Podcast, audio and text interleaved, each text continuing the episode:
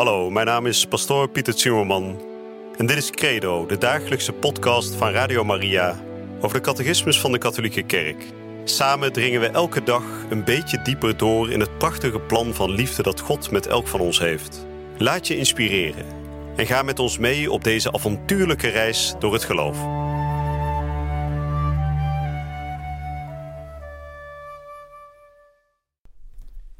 Broeders en zusters, beste luisteraars. Van harte welkom bij deze uitzending van de dagelijkse catechese hier bij Radio Maria.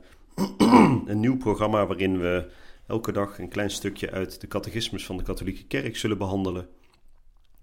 En we zijn nu eh, zes dagen onderweg, vandaag de zevende dag. En we zijn de afgelopen dagen bezig geweest met uh, die artikelen uit de catechismus die spreken over allereerst het belang van catechese en vervolgens over het kennen van God. We hebben daar de laatste dagen bij stilgestaan en we zullen daar ook vandaag weer over gaan spreken. Het kennen van God, wat altijd een kennen is dat uiteindelijk onze persoonlijke relatie met Hem verdiept. Het kennen van God, dus het leren van de catechismus, is nooit alleen maar iets droog natuurwetenschappelijks, zoals tegenwoordig vaak wetenschappers te werk gaan. Nee, het is altijd een relatie verdiepen met God. Hem kennen is Hem ook beminnen. We gaan er vandaag wat meer over spreken nog. En de catechismus begint zo dadelijk met een wat langer citaat van Paus Pius XII, wat hij heeft gezegd in zijn encycliek Humani Generis. En even een opmerking vooraf. Het is natuurlijk belangrijk om al die woorden goed uh, in je op te nemen. Maar soms kan het zijn dat het toch wel een beetje ingewikkeld is wat de catechismus zegt. Maar laat u daar niet door afschrikken. Ik probeer het uh, steeds ook een beetje te vertalen. Of in ieder geval de, de kern eruit te pakken. Zodat datgene wat echt belangrijk is, dat u dat ook meeneemt naar de volgende dag. En op die manier is het vooral belangrijk dat we de rode draad van de catechismus niet uit het oog verliezen. We spreken nu over de kennis van God. En de vraag wordt vandaag gesteld: ten eerste, kunnen we God eigenlijk wel kennen? We hebben daar de afgelopen dagen over gesproken. Dat kan door de mens die naar zijn beeld en gelijkenis is geschapen. Het kan doordat we hem herkennen in zijn schepping. En vandaag wordt de vraag nog verder uitgebreid. Nou, als we hem kunnen kennen, hoe kunnen we dan over God spreken? Welke woorden moeten we daarvoor gebruiken? dus dit even als achtergrond bij datgene wat we vandaag gaan lezen uit de catechismus. De nummers die ik vandaag behandel zijn de nummers 37 tot en met 43. En we zullen beginnen met een kort gebed. In de naam van de Vader en de Zoon en de Heilige Geest. Amen. Vader in de hemel, wij danken u voor deze dag. Deze dag die u ons geschonken hebt om u beter te leren kennen en om op die manier ook onze naaste en onszelf beter te leren kennen. Want God kennen, u kennen, betekent ook de mens kennen, omdat de mens is geschapen naar uw beeld en uw gelijkenis. Wij kunnen u niet kennen zonder dat u ons hart en ons verstand daarvoor verlicht. En daarom willen we vragen om de komst van uw Heilige Geest in onze ziel zodat met het licht van uw genade wij u kunnen kennen en daardoor u steeds meer kunnen beminnen. Amen. Ik lees voor de nummers 37 tot en met 43. In de historische omstandigheden waarin hij leeft, ondervindt de mens echter tal van moeilijkheden om God alleen maar met het licht van zijn verstand te kennen. En dan volgt het citaat van Paus Pius XII.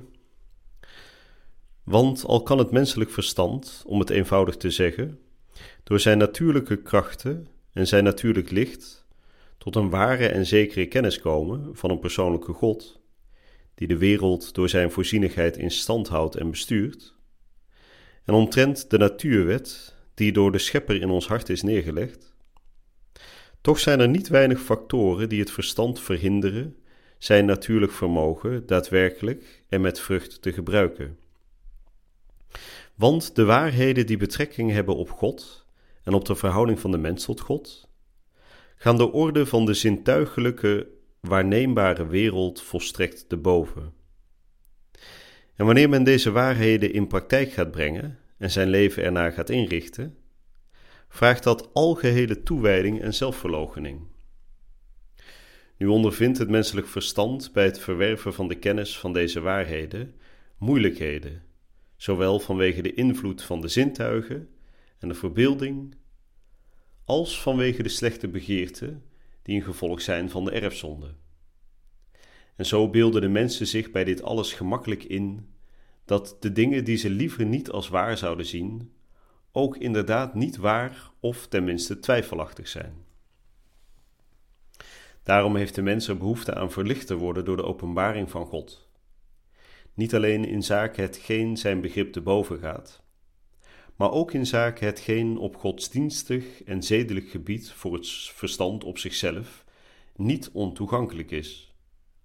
Opdat ook dit in de huidige omstandigheden, waarin het mensdom verkeert, door alle gemakkelijk, met vaste zekerheid en zonder enige vermenging met dwalingen kan worden gekend.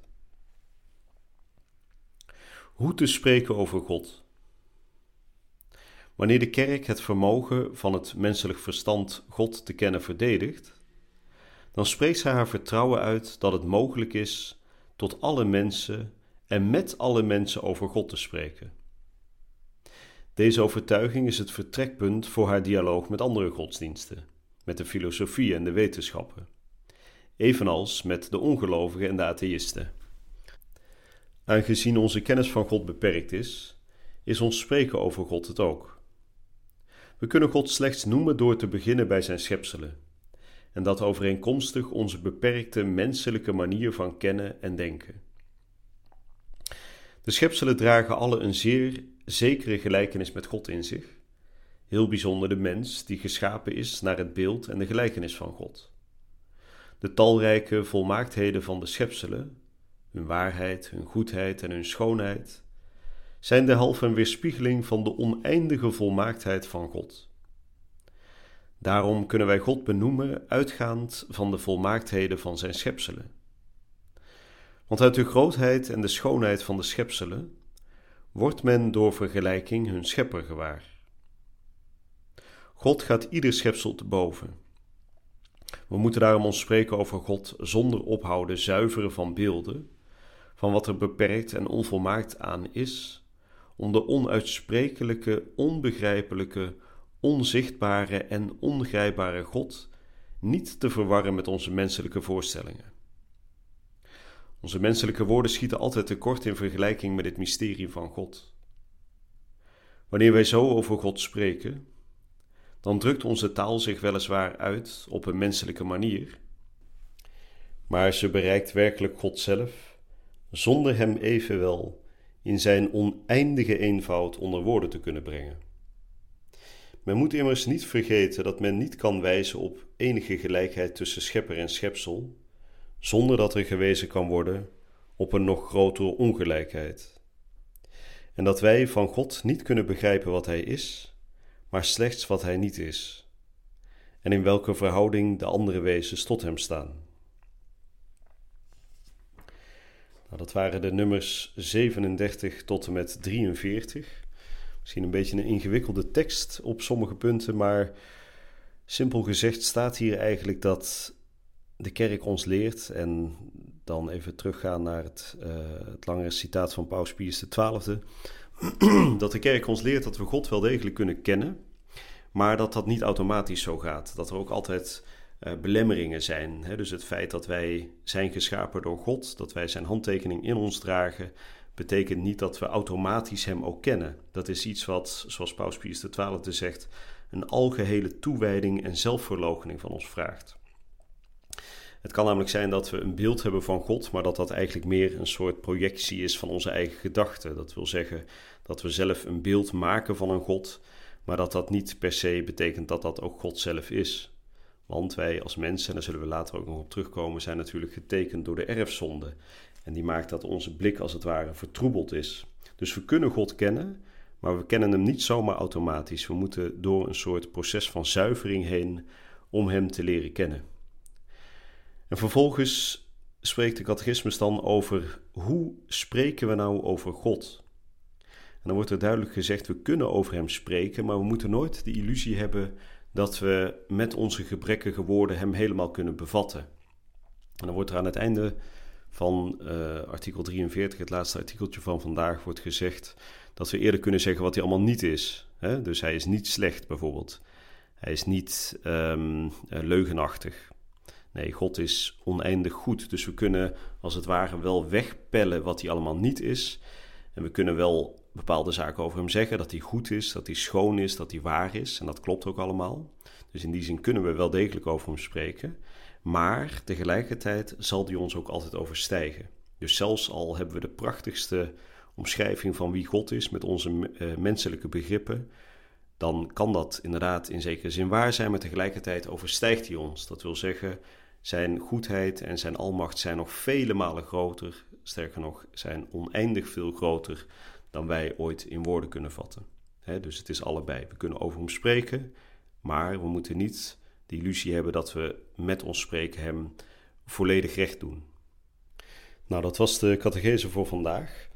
Bij de volgende les zullen we even een korte samenvatting geven van alles wat we tot nu toe hebben gehoord. Dat heb ik al aangekondigd. De catechismus aan het eind van elk hoofdstuk heeft een blokje dat heet In het kort. En dan wordt in het kort even samengevat wat we net hebben gezien. Ik hoop u bij de volgende uitzending weer hier te ontmoeten bij Radio Maria. Je luisterde naar Credo, de dagelijkse podcast van Radio Maria over de catechismus van de Katholieke Kerk. Credo is iedere werkdag te beluisteren op Radio Maria. Maar je kunt de afleveringen ook in je eigen tempo terugluisteren op onze website, in de app of op Spotify en de andere platforms. Via de website radiomaria.nl vind je dagelijks de link om de bijbehorende teksten uit de catechismus mee of terug te lezen. We zijn erg dankbaar voor alle giften die wij mogen ontvangen. Daardoor kunnen we ons goede werk blijven doen. Draag je ook bij aan deze missie?